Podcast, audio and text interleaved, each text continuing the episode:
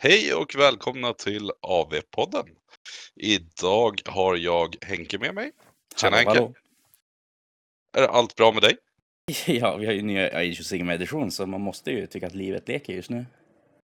Ja, det är ju fruktansvärt kul med den här nya editionen. Och eh, det är ju den här nya editionen som vi tänkte prata lite om idag. Mm. Ja, Och- alltså, vi har ju just haft turnering på Fantasia så nu kan jag allt.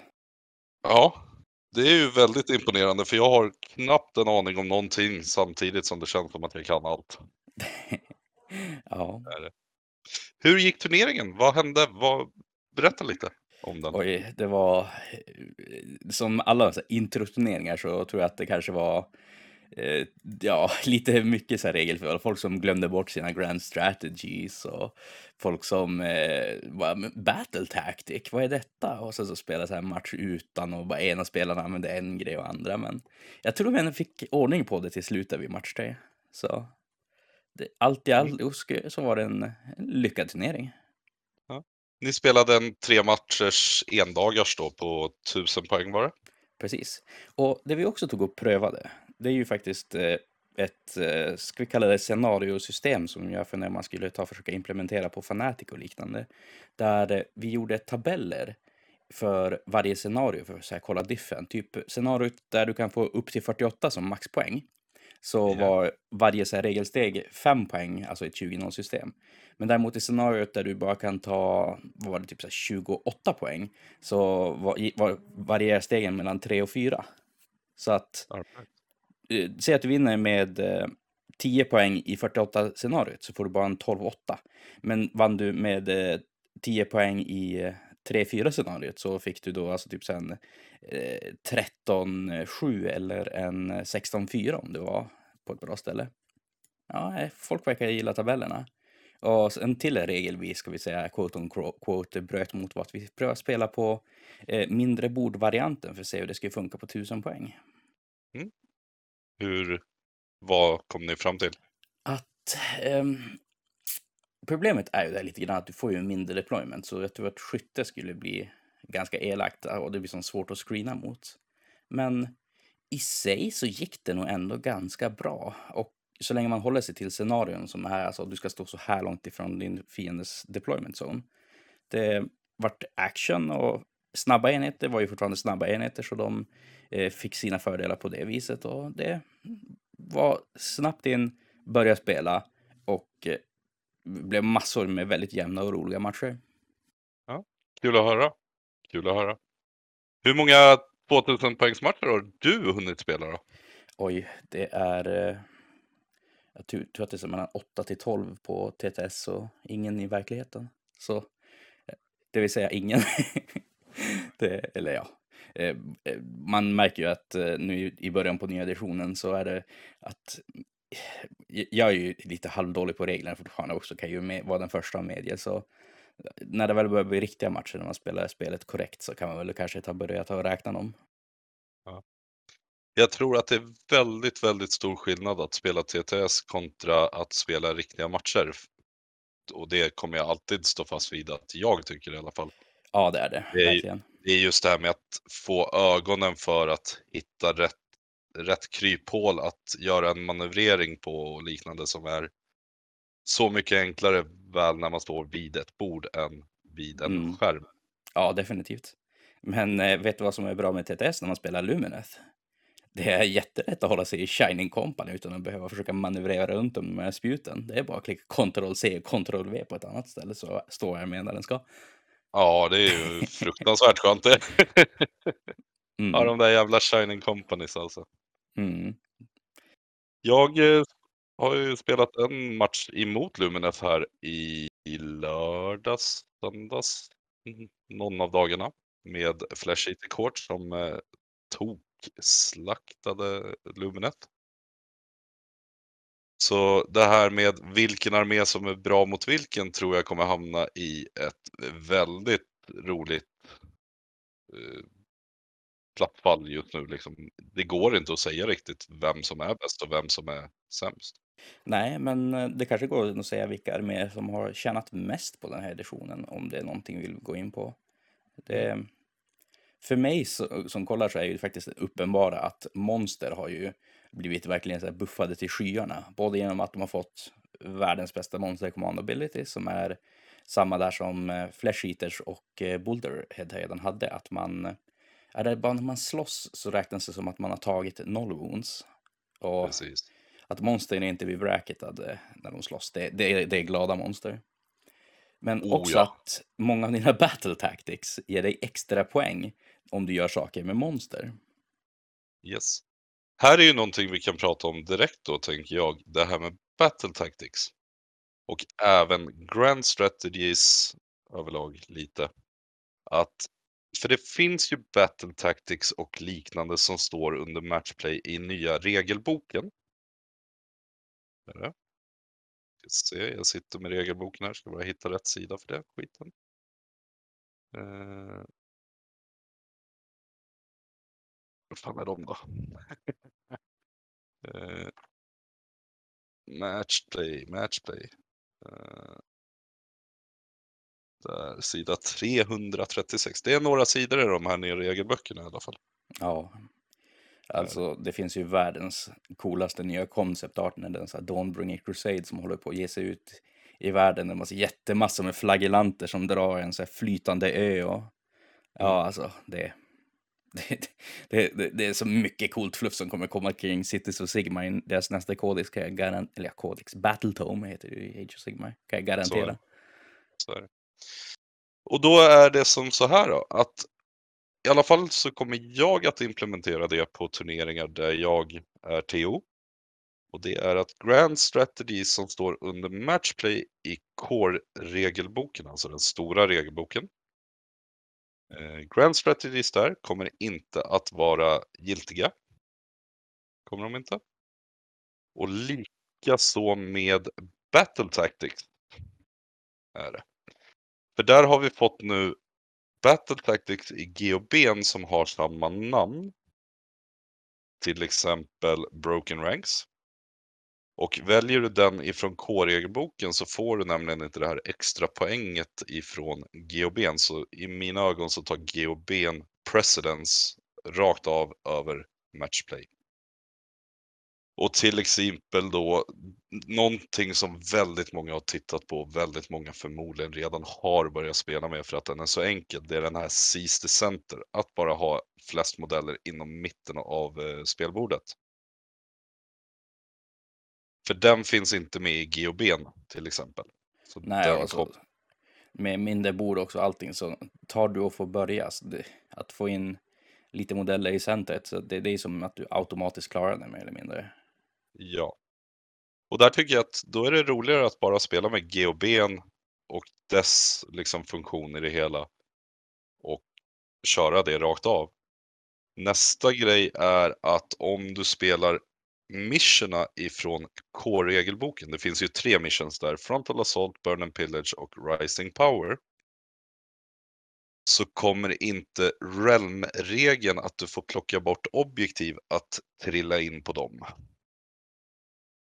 För det, de är inte skrivna med den i åtanke. Till exempel på Rising Power där när du har fem objektiv och 1, 2, 3, 4, 5, 6 räknas som två objektiv beroende på vänster du är och liknande.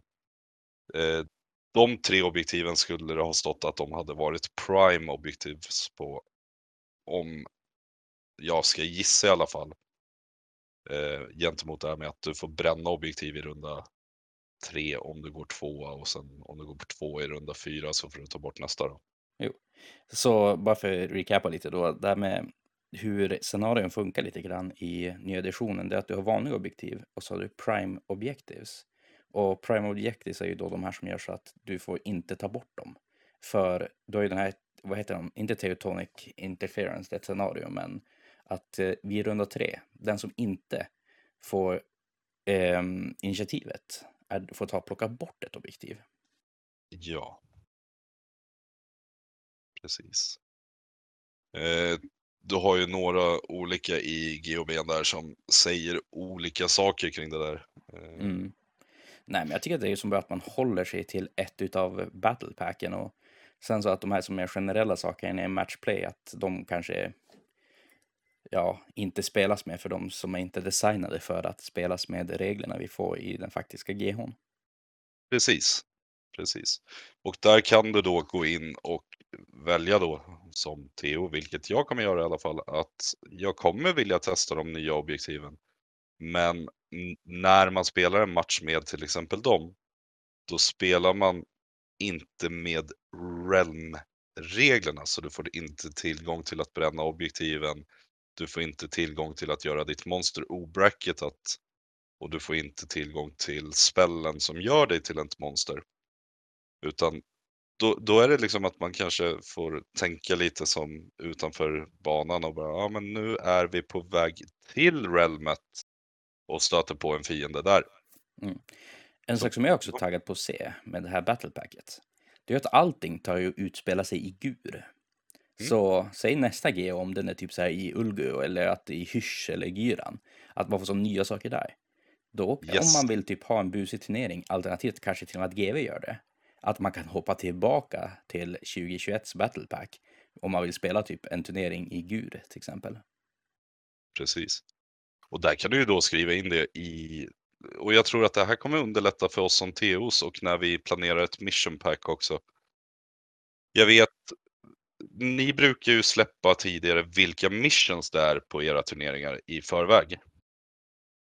Det har ju jag inte gjort tidigare för att tidigare så tycker jag att väldigt kompetenta spelare kan bygga lister baserat på mission istället för motstånd.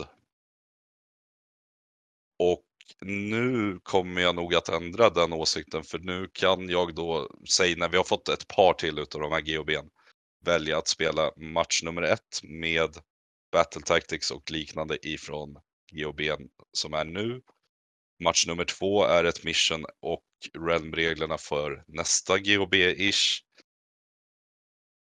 Så att man kan ju verkligen skräddarsy sina turneringar på ett helt annat sätt då. Alltså det, det, det, är så fruktansvärt roliga saker som är på väg att hända. Så jag vet inte ens vart jag ska börja knappt. Ja, det får jag börja med att hypa lite grann själva GHB, hur den är designad och hur smidig den är när man håller på att spela.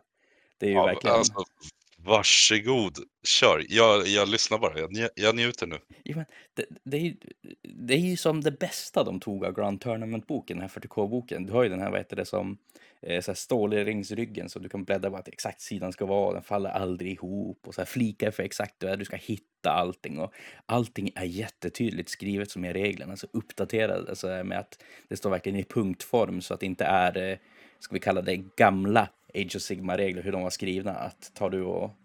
Eh, ja, alltså halva texten är flufftext och det är inte ens riktigt tydligt vart reglerna egentligen ens börjar. Utan det är mm. verkligen eh, A till B händer och sen så tar det här och kan hända emellan. Så det är så sjukt mycket tydligare på exakt allting. Det... Ja. Det är löjligt bra skrivet tycker jag. Sen självklart, det är GV. Det kommer finnas saker som är lite eh, shady sådär om man ska säga det som så då. Om vi ska ta i GHB till exempel så kan vi gå till Endless Spells. Vi har haft en diskussion om det här kring hur det ska funka och hur det ska vara och då var det framförallt på, ska vi se här, Emerald Life Swarm.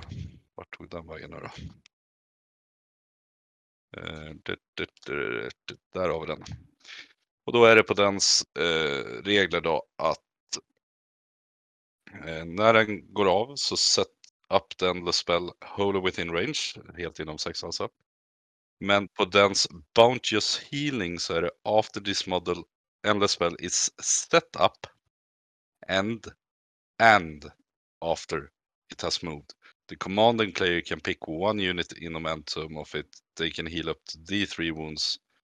Och, eh, eller ta tillbaks ett värde av D3. Här är det då att after this endless spell is setup, alltså direkt den har blivit setup så får du göra det och efter den har gått det är lite luddigt skrivet. Självklart i mina ögon så är det inte tänkt att du ska få sätta upp den inom 6 hela D3, gå med den hela D3 i samma tur. Nej, det känns ju som att det är typ få tillbaka 2D, 3 år Phoenix Guard till exempel. Är det något som man kunde göra som den skriven just nu, samma runda? Mm. Och det, Och ja, där, alltså, där, det känns lite bra nästan det känns väldigt bra och det är just alla de här wordingarna som jag är orolig för att ja, per definition hur det är skrivet så ska du få göra det. Men, och det här, självklart, vill du vara den spelaren på en turnering, var den spelaren. Jag som TO kommer inte säga ifrån riktigt, för det är rules as written på något sätt. Men känner du själv att du försöker bryta spelet och tycker själv att det känns lite fel, gör det bara inte. Spela hellre som att det är sämre än vad det är. För då kommer du själv bli så mycket gladare när GV faktiskt FAQar och säger att det är bättre än vad du tror att det är. Eller eh, än vad du väljer att spela det som.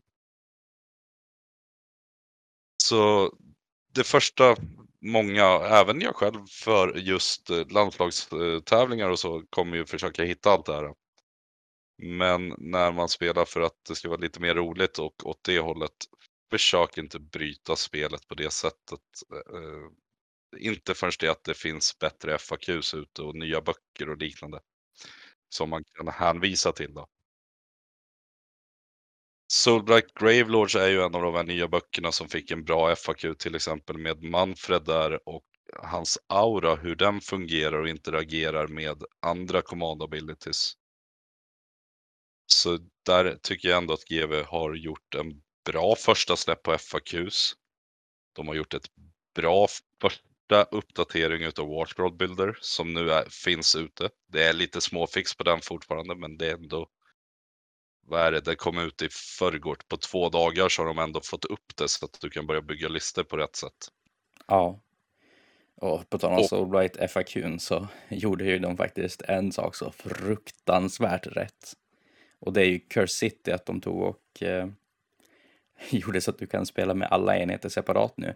Så Rikers Bloodborne till fots kan du spela i enheter utan att behöva ta alltså hela eh, Curse City-grejen. Yes. Det är, alltså det är bara liksom hatten av GV. Ni lyssnar på communityt. Ni gör en release som kanske inte är helt okej med Curse City, men ni lyssnar på dem efteråt och bara, ja men varsågoda. Nej, applåd till GV för den liksom. Eh, starkt att de lyssnar. Eh, största skillnaderna i spelet i sig, jag har ju spelat en 7, 8, 9, 10, ja, x antal matcher med 3.0 regler. Sjukt roligt med de här nya command abilitiesarna som redeploy, unleash hell, allting är bara galet kul att försöka spela med. Ja, Är det. och man märker ju verkligen att det kommer vara nya saker som du kommer bli tvungen som att tänka på och lära dig mer än någon annan edition egentligen. Jag tror att redeploy är förmodligen den command abilityn som har höjt, alltså ska vi kalla det skilltaket i Age of Sigmar mest typ genom tiderna nästan. För du kan göra så oerhört mycket bus med den när du väl spelar. Oh ja, du kan, alltså det är sanslöst vad mycket kul saker du kan hitta på med den. Mm. Det är även sanslöst vad mycket roligt det kan bli när du har att du vill ställa dig på gränsen till någonting. Liksom. Ja, men jag kan gå 9 tum säger vi. Du Mm. står 16 tum bort i grund nu. Det säger vi. Mm. Om jag går 9 tum då, då har jag en 7 tums charge. Men du kommer att få redeploya för en command point. Ja. Då är det nästan bättre för mig att bara gå och ställa mig 9,1 ifrån och bägga på att jag får rerolla min charge redan därifrån. ja. Nej, Det, är kommer som, bli eh, så mycket roliga planeringar i det hela. Jo, det som eh, jag tänker där då specifikt en sak som jag gjorde när jag spelade mot en Serafonspelare. Att eh, hans eh, Stegadon kunde springa till två olika ställen. Eh, antingen så skulle han kunna gå och försöka kontesta mitt eget backobjektiv som var värt fyra för honom då. Eller ge sig in i som mitt eh, alltså karaktärspark med magiker. Så jag gör att jag flyttar min Stonehorn utanför objektivet. Han eh, väljer då att inte gå till min karaktärspark utan lubba in i eh, mitt objektiv för att eh, han tänker då att ja, men då har eh, han tagit det och börjat skåra fyra per runda och kommer vinna matchen. Men då jävlar har man ju sparat sin redeploy och bara skyfflar Stonehornen tillbaka in på objektivet och håller den. Och att det är så mycket Ja. sånt där att man kan som mindgame och hålla på också som gör att den där kommandabiliteten kommer vara fruktansvärt bra att kunna hantera. Jag använde ju den här eh, också för att eh, dansa ifrån Gottrek när han gick sina fyra tum. ja, stackars Gottrick. Ja. Han fick ju en bra poängsänkning däremot. Ja, men det behövde han för att fortsätta vara spelbar tror jag. Oh ja, det gjorde han. Det ska bli kul att se vad han... För jag tror att Gottrek är en karaktär som kommer kunna bidra mycket, mycket mer med det mindre bordet. Ja, kunna bråka med fyra stycken Megagargans. Absolut, det också. Han kommer gynnas utav eh, plus ett to hit om han skulle behöva det. Men det han blir bäst på nu, eller det som han eh, gynnas mest av, det är det att du inte längre kan reinforca dina enheter till 40 manna block och liknande. Ja, Att det blir svårare att få in den mängden attacker på honom som är hans normala svaghet liksom. mm. Jo, kommer finnas mindre med 30 block med goals och grejer så. Precis. Och Och- även eh, all out defense på han själv plus att stå i cover och liknande. Han har, kommer ju ganska enkelt kunna ha sitt 3 plus save regelbundet. Mm. Och det som också kommer att eh, det här med Gottrek, att det är inte bara han själv som blir bättre, utan om saker man möter blir mera anpassat för honom. Och som vi sa, att monster som verkligen stigit i värde något så fruktansvärt. Och, och är det någon som är bra på att bråka med monster så är ju The Slayer himself så att säga. Oh ja.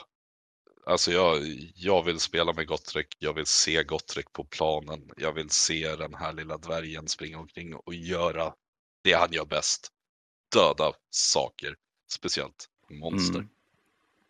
Ja, nej, det kommer definitivt bli någonting då för min Cities of Sigmar med att Gottrek kommer få se mer spel där. Tror det kan bli oerhört bra.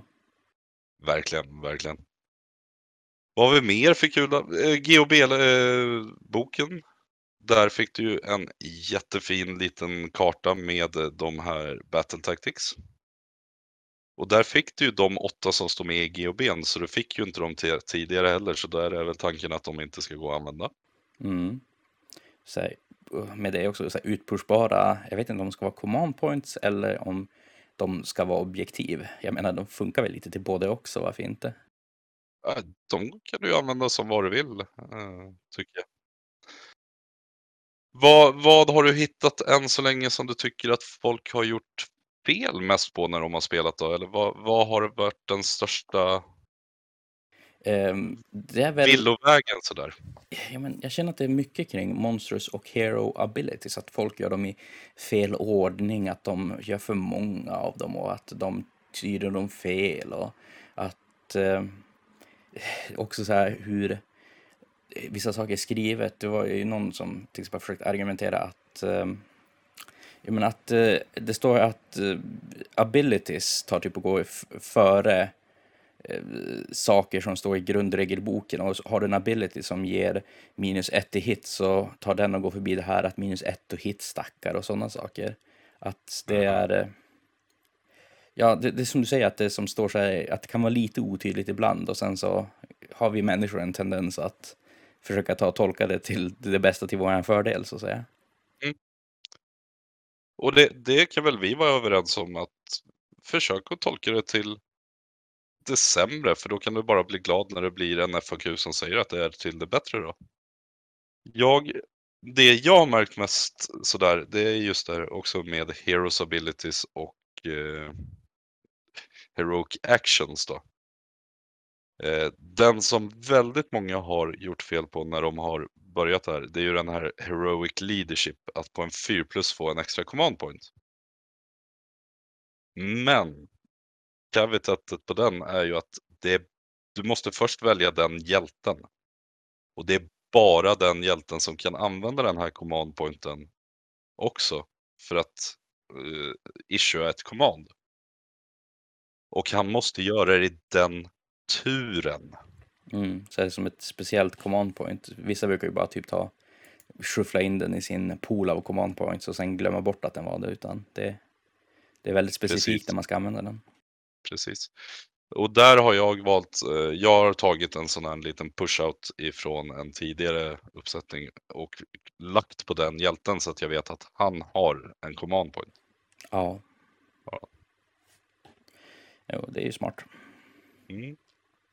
Eh, Heroic Recovery är ju den absolut bästa av dem. Att kunna hela en D3 och där är det ju Death, Demoner och liknande som har gynnats mest. Mm. Även Gottrek kan vi väl nodga till igen. Han har väl Ja. Bravery på 10 och kan hela sig själv helt Ja, plötsligt. har han bara sex wounds också så tar han ju tillbaka så här en tredjedel upp till hälften av sina liv varje gång han ska hela sig och det är ju ganska bonkers. Har han bara 6 wounds har han 8. Han kanske åtta. Ja men Ja. åtta wounds då. Men det är fortfarande väldigt, väldigt, väldigt Ja, bra. men det är jätte, jättebra. Sen älskar jag hur de har delat upp det till movement phasen att det är normal move, retreat, run och du gör inte två av dem samtidigt liksom. Mm. Det, det är så väl skrivet tycker jag. Ja, och som sagt, det som om ni lyssnar på en Soulblight eh, Gravelords podd, att vi diskuterar varför eh, Blood Knights eh, tar retreatar och sen får inte ta charge efter de gör sin specialförmåga, så har de ju just det att de har delat upp vad en normal move är för någonting, att en normal move, en retreat och en run är tre olika saker. Och ja, det här gör ju också att du inte kan springa ut ur närstrid längre. Precis. Jag tycker det är jättebra skrivet. Det är inga oklarheter alls på det där tycker jag. Mm. Så det är jätte, jätteskönt. Så jag kan nog kanske kan hålla med GV hela den hypen att det är bästa editionen någonsin. Det är det verkligen, i alla fall när det kommer till Age of Sigmar. Ja. Och Sen har de ja, du kan Ja. fortsätta. Sen har de i Moment också varit väldigt duktiga med det här kring flying, tycker jag. Att nu är det inte bara att jag lyfter min modell, väljer att bara gå rakt över det här huset för att jag har flying, utan nu måste du mäta så att du tar dig diagonalt upp till högsta toppen du ska passera Mm. och sen diagonalt ner för att komma ner igen. Ja.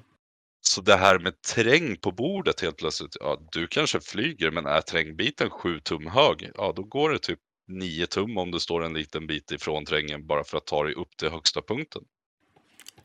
Ja. Så det här med att man bara mäter 14 tum rakt fram, det är borta nu. Ja, så flying blir... eh, Det, jag menar, det är fortfarande bra, men det blir inte lika överdrivet bra i moment längre. Precis. Och det tycker jag i alla fall är jätteskönt. För det gör att när man bygger en, ett schysst bord, liksom, att man har de här lite högre husen och allting som kommer att påverka då. Inte bara att ah, men nu går jag över ditt hus här och sen så chargear jag dig i ryggen för att jag har fly. Mm. Ja, en till favorit är ju när det finns en så hög terrängbit och man plockar ner bara en flyghjälte på toppen då och bara, ja, nu är jag 24 tum ifrån din närmaste enhet. Best of luck. Mm. Mm. Ja, det, ja, det, det är mycket jobbiga saker som försvinner i och med den regeln. Oh ja, framförallt den här också att jag ställer mig högt upp på en byggnad. Mäter jag rakt fram 3 tum så kommer jag hamna, alltså jag behöver slå en 3 tum för att komma in i charge på dig. Mm. Kan du inte göra längre för nu står du de där 9 tummen upp så du måste helt plötsligt slå en 9-10 på chargen för att ta det diagonalt ner och hamna inom det här Ja, avståndet. Så det är värt att tänka på för folk som spelar med saker med fly. Combat face och shooting face och så, det är inte så jättemycket som har ändrats där tycker jag som är värt att ta upp. Det är ju det att du kan använda Unleash Hell och liknande saker. Jo, och här är det ett tillställe där eh, saker som har 3 plus save eller bättre ökar i värde också ganska mycket. Speciellt de som kan dubbelstacka saker för plus till armor save. Nu tar ju inte armor save och stackar mer än plus 1 för, eh, ja alltså, för enheter. Men däremot så tar ju det bort då rend 1 ifall du säger har plus 2 på din save. Så har du typ Precis. ett monster på en eh, 3 plus eh, alltså alla monster på 3 plus har blivit så fruktansvärt tankiga nu, så kan du ju ganska ofta gå ner till att du har bara rakt av då 2 plus save mot allting upp till rend 1. Så är det. Och är det. vi hade ju en Sylvaness-spelare som spelade en Ancient Treeman och den var ju tok jäkla tankig hela tiden. Har den 3 plus i grund? Jag kanske har 4 plus just den, men Ja. ska vi se. Jag Jag minns tänk- att han eh, fick ju den ner till 3 plus save och så hade han kunnat använda sin, eh, vad heter den? Eh, Finest hour på den också så att den gick ner så att den har alltså 3 plus och ignorera rend 1 och grejer. Mm. Men som sagt, Ja. det är Frostlord på Stonehorn och det är Avelenor och company som också är tok-tankiga. Arkion. Ja. Så alla de här stora monstren har så här, alltså 14 plus wound så kommer där med en eh, 2 plus save också och också att du kan ta på många av dem ehm, en, ny relik som säger att de får ett 5 plus ward. Gör de verkligen allt förutom odödliga eller vad man ska kalla det. Men för att prata om ett par andra karaktärer så där som gillar det här också. Vi har Kragnos som har ett inbyggt 2 plus save. Mhm. Och är typ immun mot spells. Precis. Vi har även den nya enheten i Stormcast, Annihilators, med 2 plus save. Det är även en enhet som är rätt lätt att ställa in i cover. Är det? Nej, eh, Tree Lord Ancient har 3 plus också, nu kollar jag. Ja. Så den, den är så pass tankig. Men Annihilators, ställ dem i cover, låt dem stå där. Alltså det är... Jag gillar ju tanken att du ska spela ett stort block Annihilators och så tar du in den här Lord Imperitanten som gör så att deras charge blir en eh, 7 tum istället för 9 tum och så tar de bara Ogre Charge eller någonting och sen står de där och är jättetjocka. Ja, ja. Vi hade ju faktiskt rätt kul. Kragnos fick ju chargea som uppbemat här i helgen. Och valde ju att göra då sin 2D6. Han gjorde 30 mortal wound på en sån uppbemat. Nej men Kragnos är ju definitivt en som eh, jag kanske var lite anti i när han direkt kom för han kändes som konstigt skrivet i förhållande till hur mycket poäng han kostar. Men det var ju ändå ganska tydligt att han är en 3.0 karaktär med hur reglerna förändrats. Och nu är Kragnos, ja som sagt han blir ju både billigare, fick tillgång till alla sina monster abilities. Så, och att monster blir bättre gör ju också Kragnos bättre för det är ju hans verkligen preferred target. Absolut. Så kanske att bygga en Kragnos till mina ogers och se hur han fungerar. Det är en spännande modell i alla fall och liksom kunna skicka in. Han har ju 2 plus to wound i grund på alla sina attacker och med plus 1 to hit så har ju han överlag plus 2 plus 2 plus på nästan allt. Mm. Eh, Det är en formulering dock som jag funderar här när man spelar med de här stora monstren och saker. I eh, deras eh, core battalions så finns det ju typ så att du använder dig utav all out attack eller all out defense. Och då står det att du kan använda den utan en command being issued eller a command point being spent. Mm. Betyder det att du kan poppa den på någon i bataljonen och sen använda den någon annanstans samma fas? För du har ju inte issuat den, utan det är bara Det bataljonen som är gjort den. korrekt. Det Då är är, ju- korrekt. Då är ju de där bataljonerna faktiskt mycket bättre än vad jag trodde de var. Oh ja. det, och det är ju det som gör de där bataljonerna värda att titta på. Personligen så har jag ju tittat på tre bataljoner överlag. Och det är ju Warlord, Supreme Command och Hunters of the Hearthlands från GOB. Den ena ger mig en extra CP, en tur, plus en artefakt eller vad jag nu vill ha. Och där är det artefakten jag är ute efter oftast. Supreme Command för extra artefakten. Och sen Hunters of the Hearthlands för att enheter inte ska kunna bli påverkade av till exempel Roar eller Stomp eller så. Ja, det är ju faktiskt en så ohyggligt bra kommando, eller alltså ability. För jag känner ju att speciellt Roaren kan ju faktiskt ta och sabba hela din battleplan. Alltså typ det här bara att en eh, Hermdar fyrstjärna som går in och vill göra sin Always Strikes First och så kommer ett monster och ryter lite grann åt dem så att den inte får det. Eller att eh, du har de här buffarna du verkligen vill få på den där enheten och så bara helt plötsligt får du det inte. Så Hunters of the Heartland, definitivt. Absolut, jag tänker Mortigarden där liksom, att du rårar på mig så att jag inte kan aktivera save eller reroll saven. Då är det, då är det riktigt jobbigt. Men framförallt vad man kan uteslutande säga med den här nya boken är att, eller nya editionen, det är välskrivet, det är GVs bästa edition de har gjort än så länge. Det finns fel att hitta om man väljer att ordförvränga eller hitta liksom att någon kanske var lite trött på måndagen på jobbet. Det finns där. Det kommer alltid att finnas där. Men det är upp till oss att inte förstöra spelet för varandra också. Definitivt. Och liksom... Jag tycker att om det finns några stora fel i editionen så är det ju faktiskt inte i grundregelboken man hittar dem, utan det är kanske lite entusiastiskt skrivna eh, battletoms som blir problematiska. Ja, i första hand ja. Mm. De där jävla zombiesarna och de där jäkla Mortal Wounds-betten alltså. Ja, de är hemska. Men om man ska titta igenom FAQs på olika arméer så var det ju en sak som var ganska genomgående bara rakt av. Rerolls på hit, wound och saves är överlag borta. Generellt sett. Det finns fortfarande på vissa få saker. Men generellt sett så är det borta.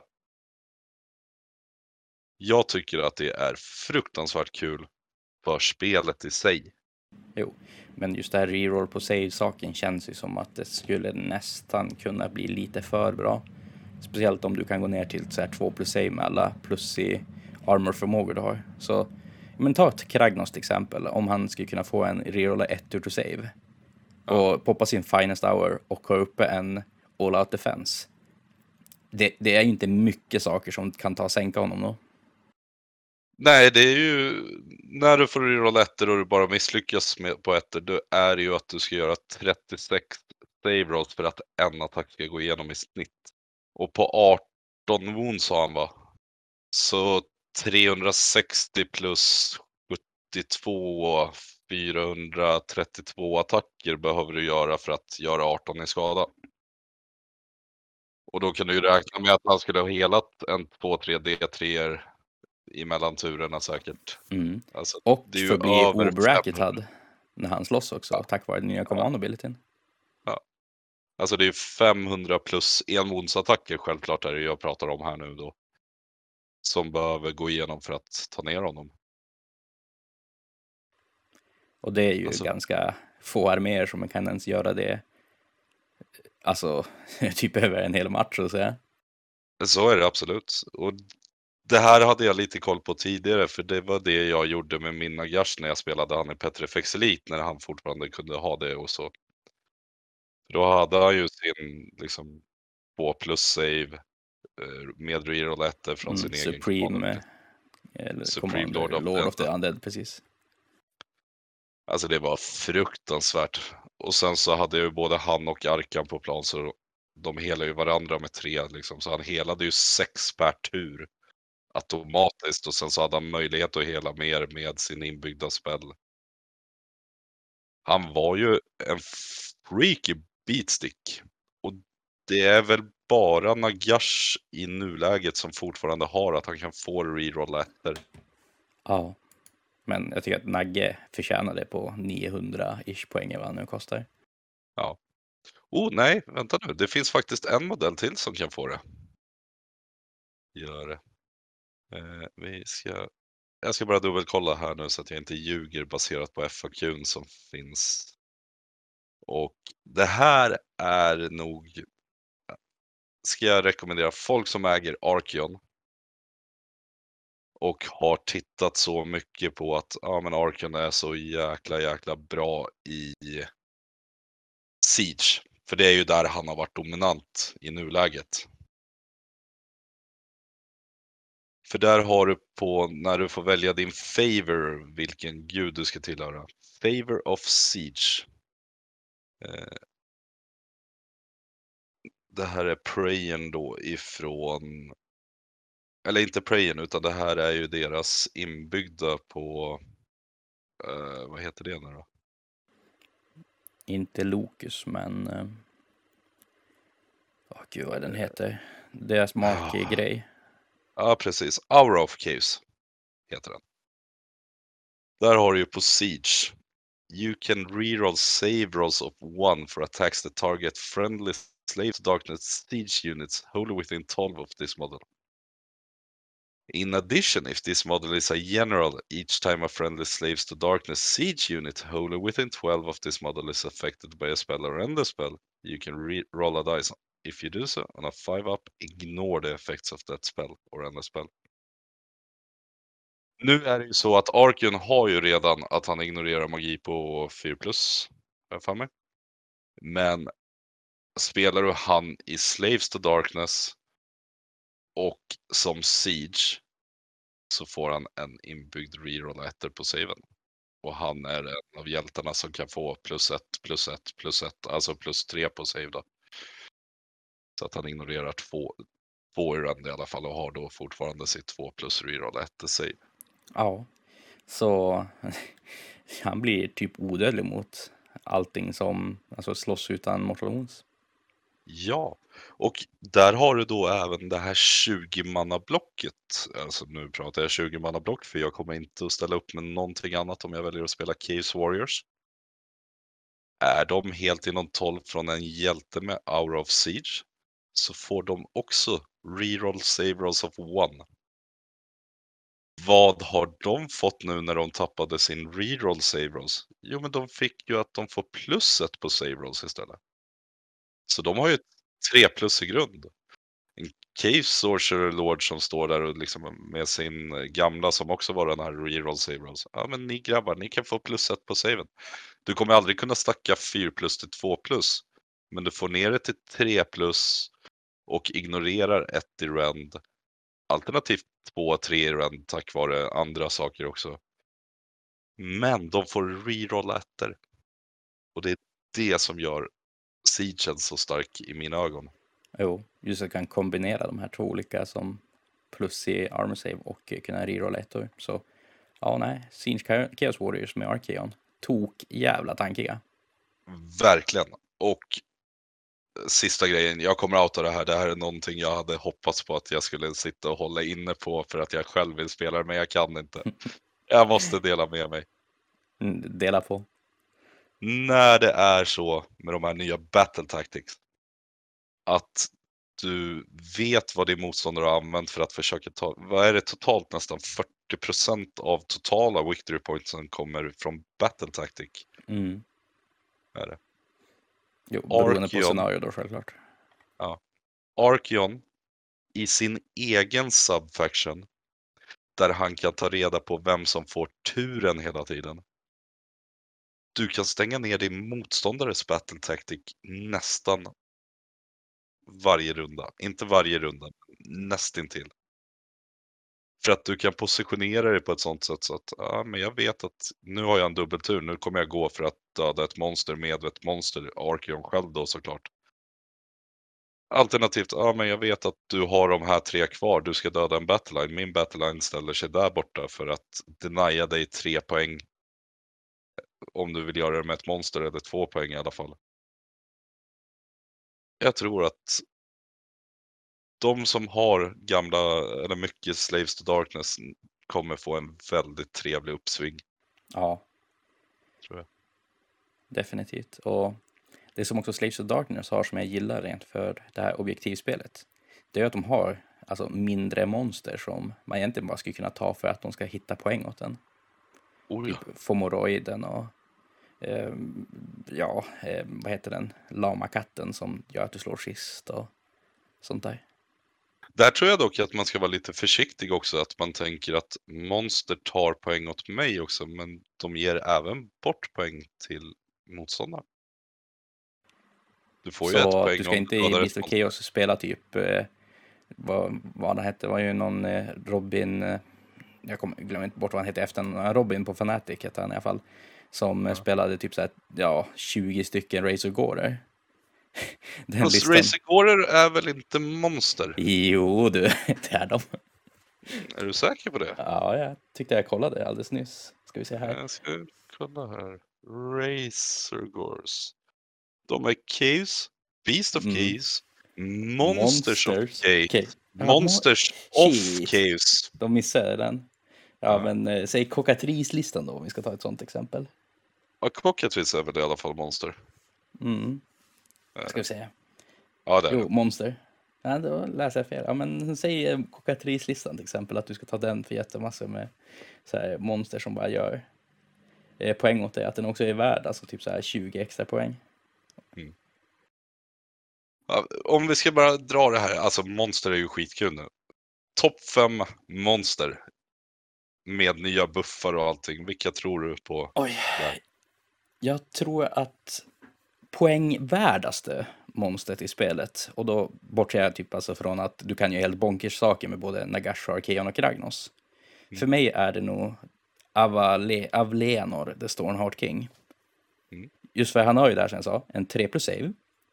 Flera olika varianter att få stacka save på sig själv, både genom eh, Finest Hour, eh, All Out Defense och också Aether Quartz Och Mystic Så. Shield. och Mystic Shield precis. Eh, han har en aura som ger ut minus to hit. Han blev ju också lite dyrare, men samtidigt blev han bättre med den här command abilityn. För förut ville du alltid ha en Stone Mage nära honom som gjorde att han slog som att han vore oskadd. Nu kan han ju poppa den commanden på sig själv tack vare att han är en hero. Ja. Och som sagt också att han mår väldigt bra av en all-out attack för att han går nog ner till att träffa jättemycket saker på 2 plus. Men också det att även om han blir roarad på så har han ju fortfarande sin Aether Quartz han kan använda för att få båda de här bonusarna. ja. Så nej, för mig är poängvärdaste monstret av Leonor. Tätt följt av en Frostlord och Stonehorn, självklart. Jag tänkte säga det att Frostlord på Stonehorn tror jag fruktansvärt mycket på. Eh, Det är alltid bra med, för han har ju sitt inbyggda 5 plus ward save. Har han ju. Och det är ju fruktansvärt bra överlag bara, rakt av bra. Ja, och det Ogre fick i FAQn, det är ju att de får använda hur många de vill av varje mount rate. Så du behöver inte längre dela upp så att det är som en på varje, utan vill du ha två, tre stycken Stonehorns med metal cruncher så är det bara att köra. Ja. Det är busigt. Mm. Det är så fruktansvärt busigt. Mm. Sen eh, Arkeon. Fruktansvärt stark. Fortfarande. Arkeons enda problem, för där har vi det här problemet med regeltolkningarna. Eh, som vi kan ta upp då. Och försöka komma överens om någonting i alla fall. Och då är det ju det här med abilities kontra triggers. Är det. Eh, för triggered effects, the effects of some abilities are applied when a dice roll triggers them. For example, the effects of an ability might be triggered if the unmodified hit roll for an attack is 6. A triggered effect is applied immediately after the roll that triggered it. If two or more effects are triggered by the same roll, only one of those effects can be applied. The player who made the roll must pick which effect is applied. Säg till exempel då att vi tar bågskyttarna för eh, Luminet bara, för de gör ju Mortal Wound på 6 to hit. Arkeon har en ability som gör att du måste rerolla 6 to hit. Ja. Båda de här sakerna triggas utav min dice roll, om det är jag som skjuter då. Mm. Och jag får då välja. Det är ju lite besvärligt, men eh, jag tror att det logiska sättet att eh, använda den här, det är ju faktiskt att man spelar typ som att, eh, ja, nu ska jag inte ta för sig mig allt för mycket, men jag tycker att du borde ta och rerolla sexorna, men fortfarande kunna ta del utav alltså din 5 plus i Mortal Wounds som Luminet. Men Mm. det... Ja, fem, fem, fem plussen är det ju inget konstigt med. Mm, Och här Men- har vi ju nästa grej då. Att, för då har vi på 1.6.4 är ju nämligen den här med triggered effect. Men sen har vi på 1.6.3 contradictory effects. When the effect effects of two or more abilities are contradictory, the last one that was applied takes precedence. Och där görs det ganska klart då att för båda har en ability som egentligen är det man tittar på först då. Men triggered effect är just det att när det är dice, en dice roll som aktiverar det så vill det man kan gå för då är att eftersom det är en triggad effekt på sexan så spelar det ingen roll att de är motsägelsefulla mot varandra.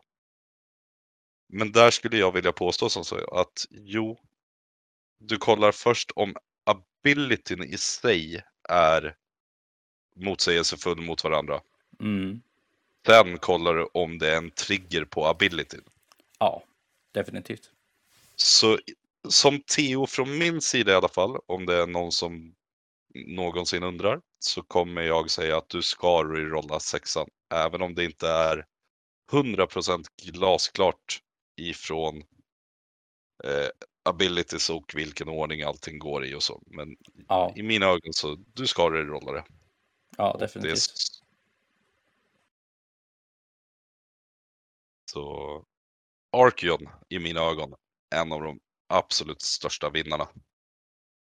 Speciellt med tanke på att han gick upp 30 poäng tror jag det var. Det är inte Jo. mycket. Nej, det är inte att du betalar 900 poäng för Nagge så att säga. 970 till och med. Mm, så nästan halva din lista. Nagge är Ja. 30 poäng för att vara olaglig på, 1000, eller på 2000 poäng.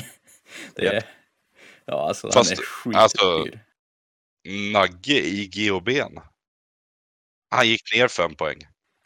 Imponerande. Ja, det är enda enheten i Soulblight som fick en poängändring. Eh, Nagge, ner 5 poäng.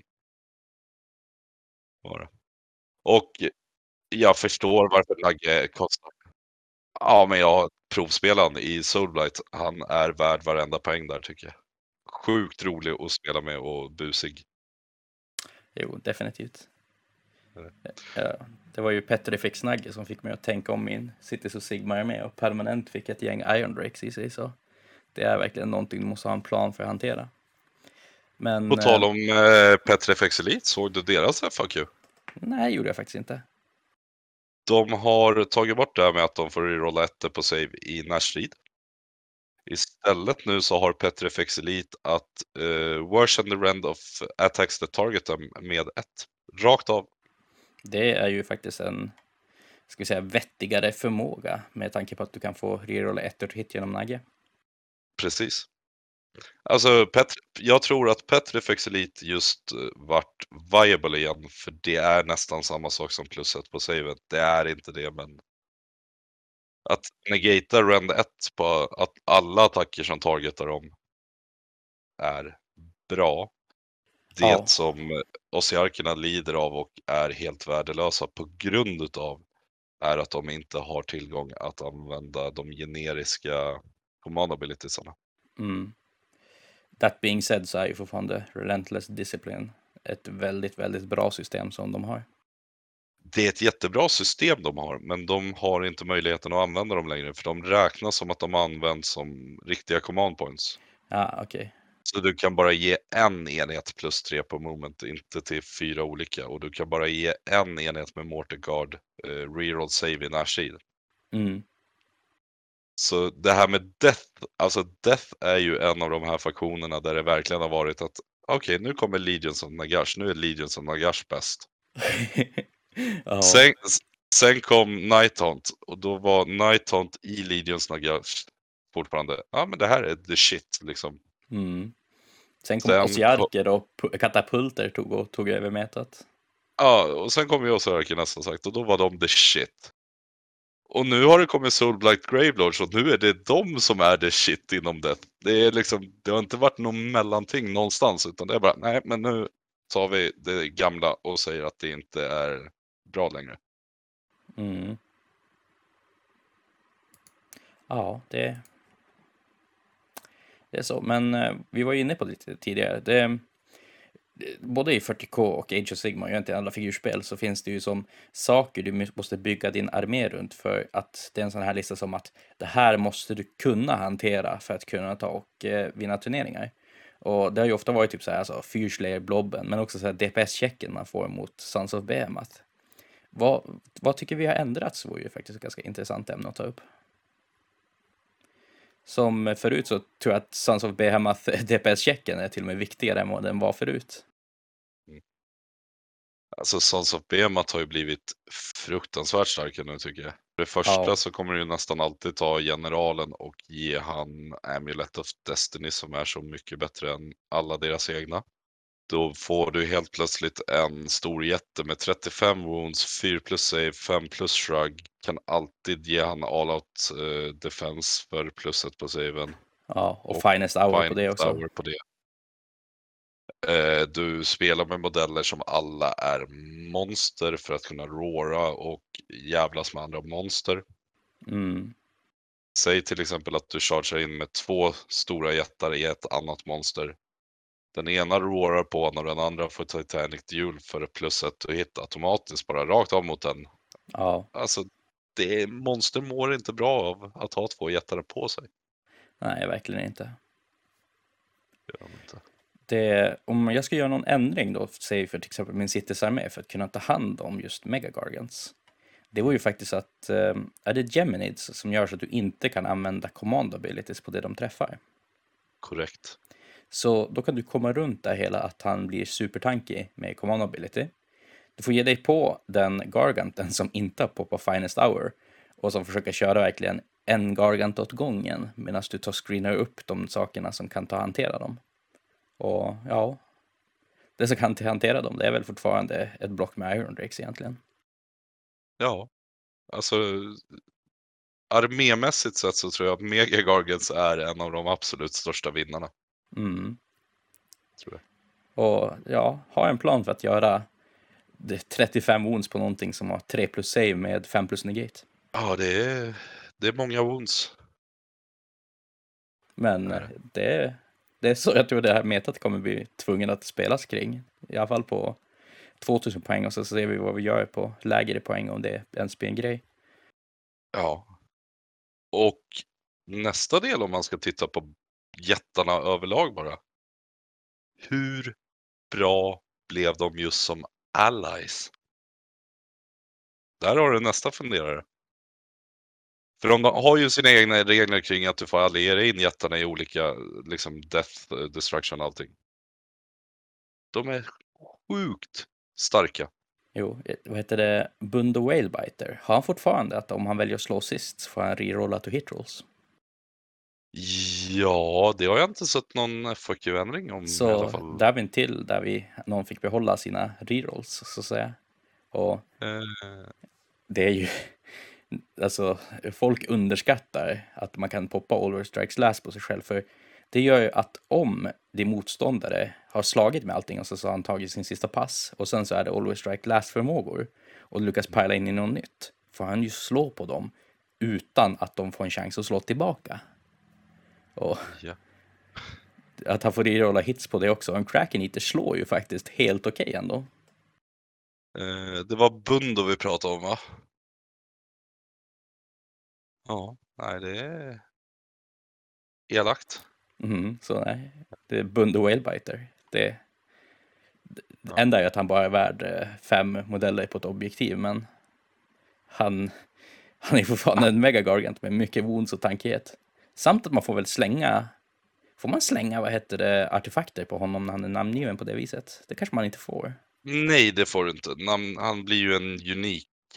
Ja, så nej, han kan inte ta sin... Eller första frågan i det hela är väl om han ens är med i GOB. Mm, För det är väl det som avgör det i första hand. ja, I poängändringarna här ska vi se. jag tror inte han är med där faktiskt. Nej, och i sådana fall så blir ju han obsolet. Mm. Eh, och här är väl återigen en sån sak som GV kanske har glömt att tänka på om de har skrivit det. Skulle man inte kunna tolka det som att eh, han är med i Gargant-boken och i Gargant-boken står det att man kan göra så här och så här och så här. Och sen i GH, jag ska se här vad som står på vilka texter som används. Ja, men så sagt alltså att man skulle kunna tolka det på det viset, att det är Gargant-boken som säger att han kan ta sig in på det här viset, tänker jag. Ja. Ja. Jag, i alla fall Theo, bedömning från min sida på turneringen som vi kommer att hålla. Vill du ta med någon av de här så får du göra det. Mm, jag håller nog med om den tolkningen, för det, det står specifikt i Gargant-boken, som fortfarande är aktuell, att du, du kan ta in dem som mercenaries. Mm. Och hur det är kanske man måste svara på någon fråga, att de är typ så här coalition eller något i den stilen, jag vet inte. Kanske Eh, inte. Jag tror det står det väl. Eh, det du får om du tar in dem är ju att du tar Mercenary Unit och at the start of your here first phase in the first battle round Mm. you do not receive one command point. Så du tappar en command point för det. Jo. Det är ju dock inte riktigt lika illa som i tidigare editioner, för du har så många fler nu. Eh, De räknas inte som battleline men räknas mot Behemoth och Leader Mm. Ja, och det betyder ju allting att du får fortfarande din finest hour och allt sånt där Mm. bus. Så nej, definitivt, jag känner att då är det Bundo som är förmodligen den som jag skulle kolla närmast på för att plocka in i arméer. Oh ja. Oh ja.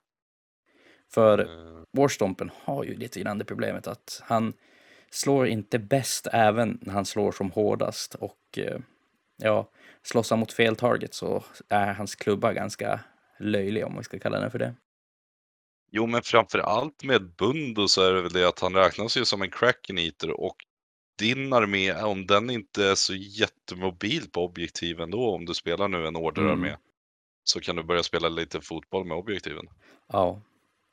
Ja. Eh, jag såg någon som vad heter det, föreslog att man skulle göra primary objektiv så att de inte gick att flytta på heller, just för Megagarganten. Mm. Det Det- hade jag hållit med om och det tycker jag låter som en vettig grej, men inget som jag kan säga bu eller bä om än.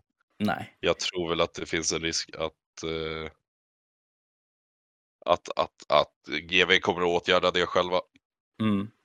Och sen kanske också lite FAQ, typ säg att eh, det skulle finnas något scenario att ligger ett objektiv eh, på gränsen, det är något objektiv så här, att objektivet som ligger på gränsen mellan eh, motståndarens eh, zon och eh, No Man's Land så att säga, är värt det fyra så här. Kan Bundo gå fram till något av mittenobjektivet och bara sparka in det på linjen till motståndarens deployment zone och eh, gå och ta det sen så att den är värd fyra? Det vore ju också, också så här, en sak som kanske är lite unintended.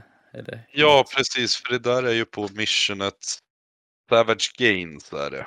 Mm, Det är ju ett av väldigt få mission nu som inte följer det här håll 1, håll 2, håll fler. För victory points, utan där är de statiskt värda 1, 2, 4.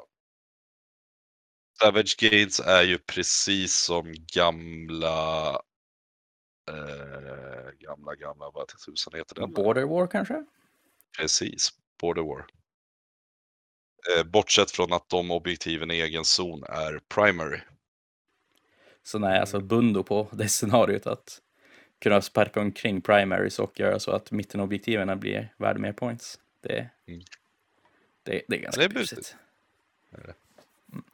Eh, Drog Fortkicka är en... eh, Ja, han är ju en gatebreaker som inte får breaker tribe-bonusarna. Så Mm. Han är kanske lite dyr för det han är ute efter att göra helt enkelt.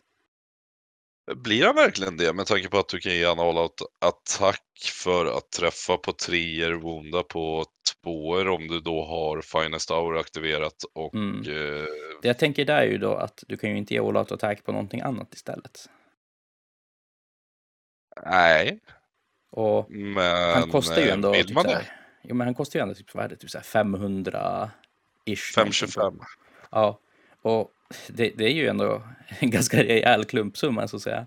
Det, ja, nej, jag vet inte. Jag tycker att han är lite dyr för det du får ut av han.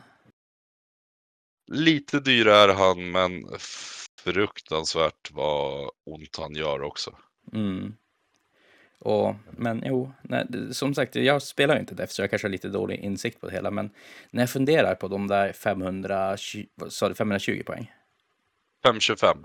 ja, 525 poängen att det finns så mycket annat busigt man skulle kunna göra med honom. Alltså med de poängen. Menar, Så är det absolut. Så är det ju absolut. Eh, sen så har väl han lite, vad var det han fick för att vara med här då? Grievous Halitus, Halitosis. At the end of the combat phase, you can pick one enemy unit within three inches of this model and roll a number of dice equal to the number of models from that unit that are within three inches of this model. For each six, that unit suffers one mortal wound. mm. Och jag menar, Oh. den är ju en bra bonus att ha, men den är ju inte alls lika vettig som Bundos extra bonus kan jag tycka personligen.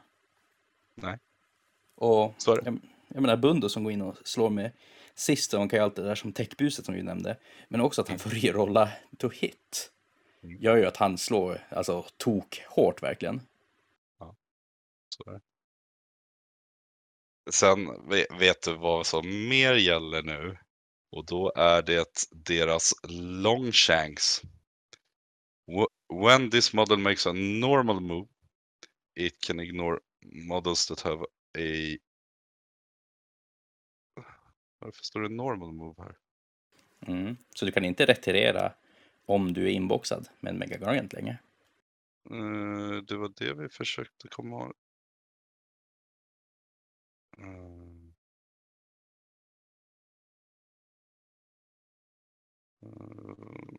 Eh, nej.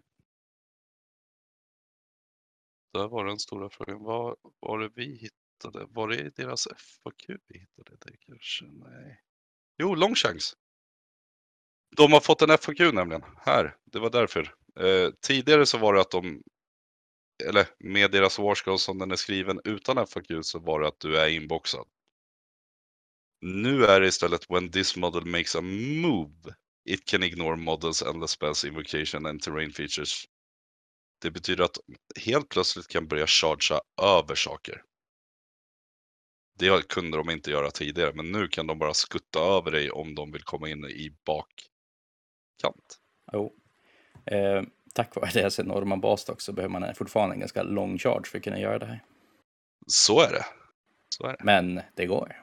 Nej, men om vi ska gå tillbaka på monster som jag tyckte vi behöver bättre så tycker vi ska definiera Gotrek som ett monster. Ge han en gudmagiker i Citus och Sigmar och bara köra. Oj jävlar. För Aj. Wildform försvinner ju från alltså Realm-sakerna. Men Ja. Wildform finns fortfarande kvar på gudmagikern. Och med mindre bord och plus två i run och charge så blir Gotrek en ganska speedig liten karaktär som kommer mycket snabbare dit han ska. Ja jäklar alltså. Och så kan du också använda magi som är Gotrek till ett monster i en runda. Ja. Det ska ju passa Ja. att eh, man så verkligen så här fluffigt att han poppar sin så här typ att han alltså blir till det Grimnir-avataren och det är det som är han monster keyword och så gör han en Titanic duel med någonting stort. Det, det, det funkar för Gotrek. ja, alltså det här kommer ju bli helt bonkers. Ja. Och nej, det, det får väl kanske kika mer noggrant på min Cities armé för jag tror att de är också en armé som verkligen har tjänat på den här editionen. Ja. Både att, eh, vad hette det, Soulscreen Bridge blev inte rakt av bättre, men den blev annorlunda på ett sätt som jag verkligen gillar. Mm. Både att du får plus ett när du försöker kasta den som cities och att eh, magiken behöver inte stå typ nästan vid enheten som- man ska skicka iväg, utan han, hon, han eller han kan stå längre bak. Mm. Och ja, det, det, det, det, det är goda tider ahead för Cities och Sigmar. Speciellt nu också när de kommer väl förmodligen döpas om till typ Dawnbringer Crusade eller något i den stilen. ja, säkert, men alltså allting. Allting är ju bara så jävla roligt. Alltså det är så mycket information just nu tycker jag att ta in bara. Men ingenstans har jag hittat någonting som jag liksom känner att nu har GV fuckat upp det här ordentligt. Nej, det är inte som, ja men säg typ Soulblight-boken när vi ska ge den 10 utav 10, men att det kommer två dumma saker i boken som tar som att surnar känslan lite grann helt och hållet, utan de nya editionsreglerna är förmodligen bara bättre. Ja, och för att bara återgå lite till Soulblight där också. Jag är villig att ge den boken 10 av 10 nu. Yes, och här är anledningen. Du kan inte ta bataljoner och massa andra busiga saker för att ge de där zombiesarna extra attackerna på samma sätt. Och därav så blir det, även om jag spelar med 60 zombies, vilket du kan göra nu. För att alla 60 zombies ska liksom göra maximalt då. Så är det 10 mortal wound. Och det är inte så pass brutet att jag vill dra ner betyget på boken. Det märks så tydligt att den boken helt plötsligt var skriven för 3.0, inte 2.0. Ja, men det är ju kul att höra. Så, så jag, jag, zombies absolut, de är bra. Du kan, du kan fortfarande ge dem extra attacker på några olika sätt sådär. Men det är svårt att få in dem i den utsträckningen som man vill få in dem för att göra det här maximala damage outputen. Ja. Är det. Nej, men det är ju kul att höra faktiskt. Mm.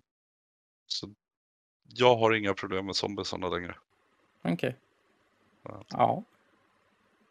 Nej, och det... Som sagt, jag är förmodligen mest taggad på att se vad mer för battle packs det kommer komma med andra realms och hur GW faktiskt väljer att tolka det. Att kan man spela med Gur battle packen även ifall det är Ulgu i den alltså relevanta GHn. Mm.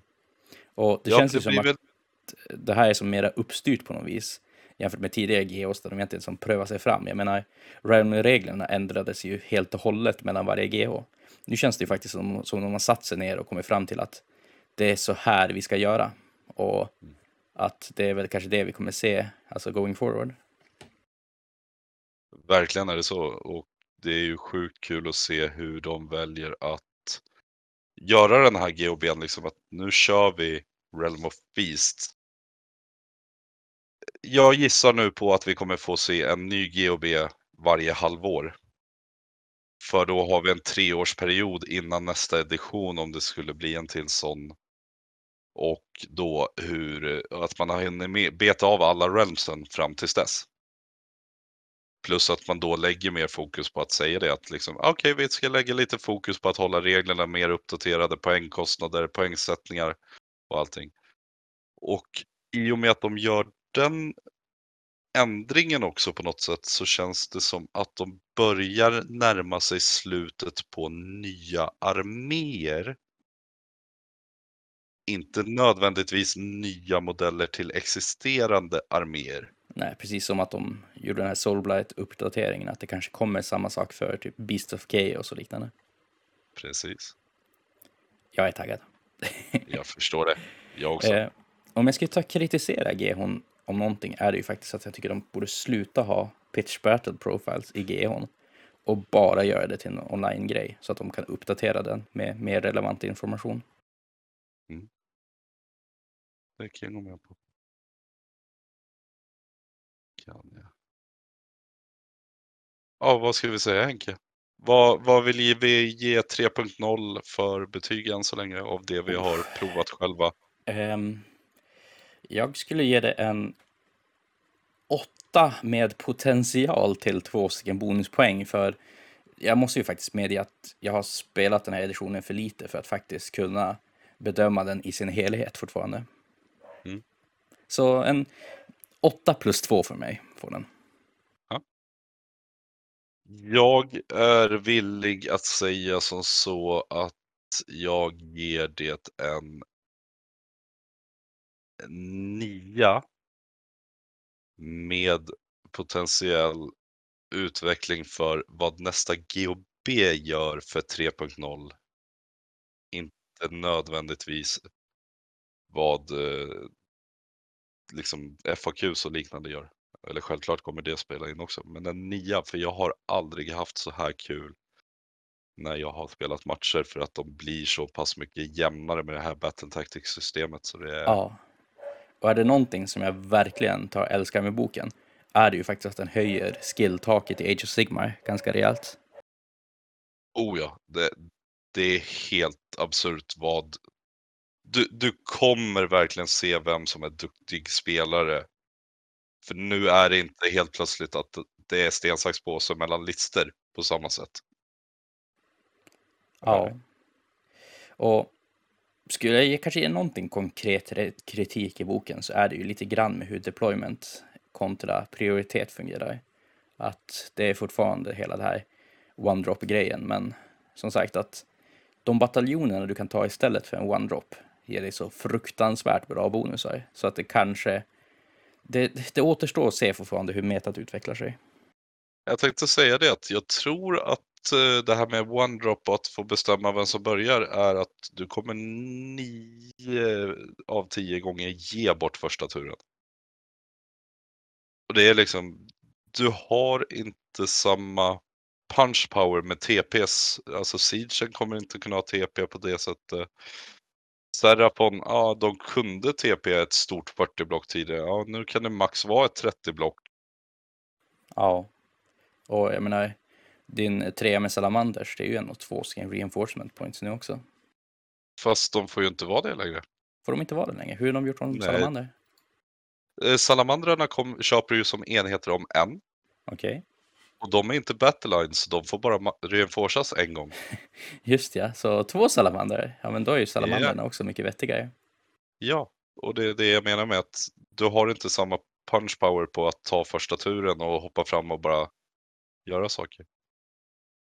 Så när du bygger för endropp nu för tiden så är det för att du vill ge bort första turen, inte för att du vill ta den överlag.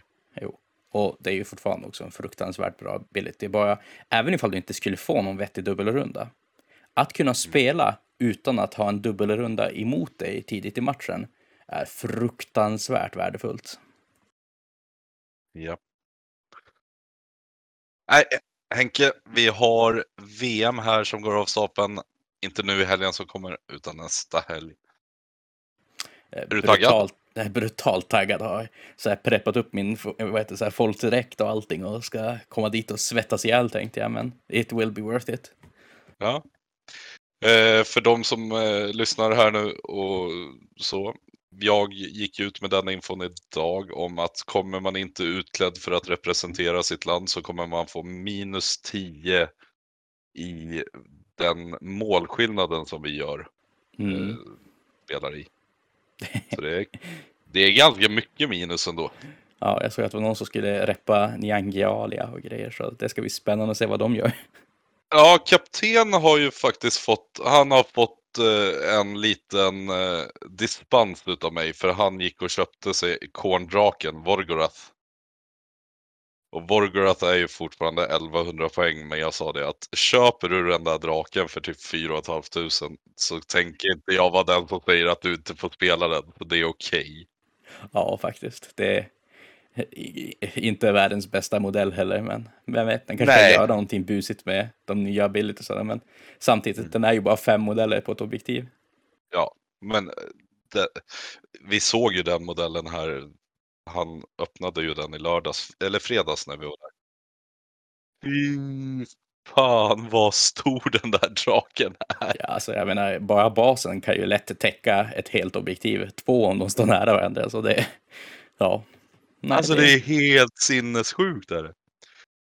Och som bonus på det hela så hade vi ju även en, eh, vad heter de då?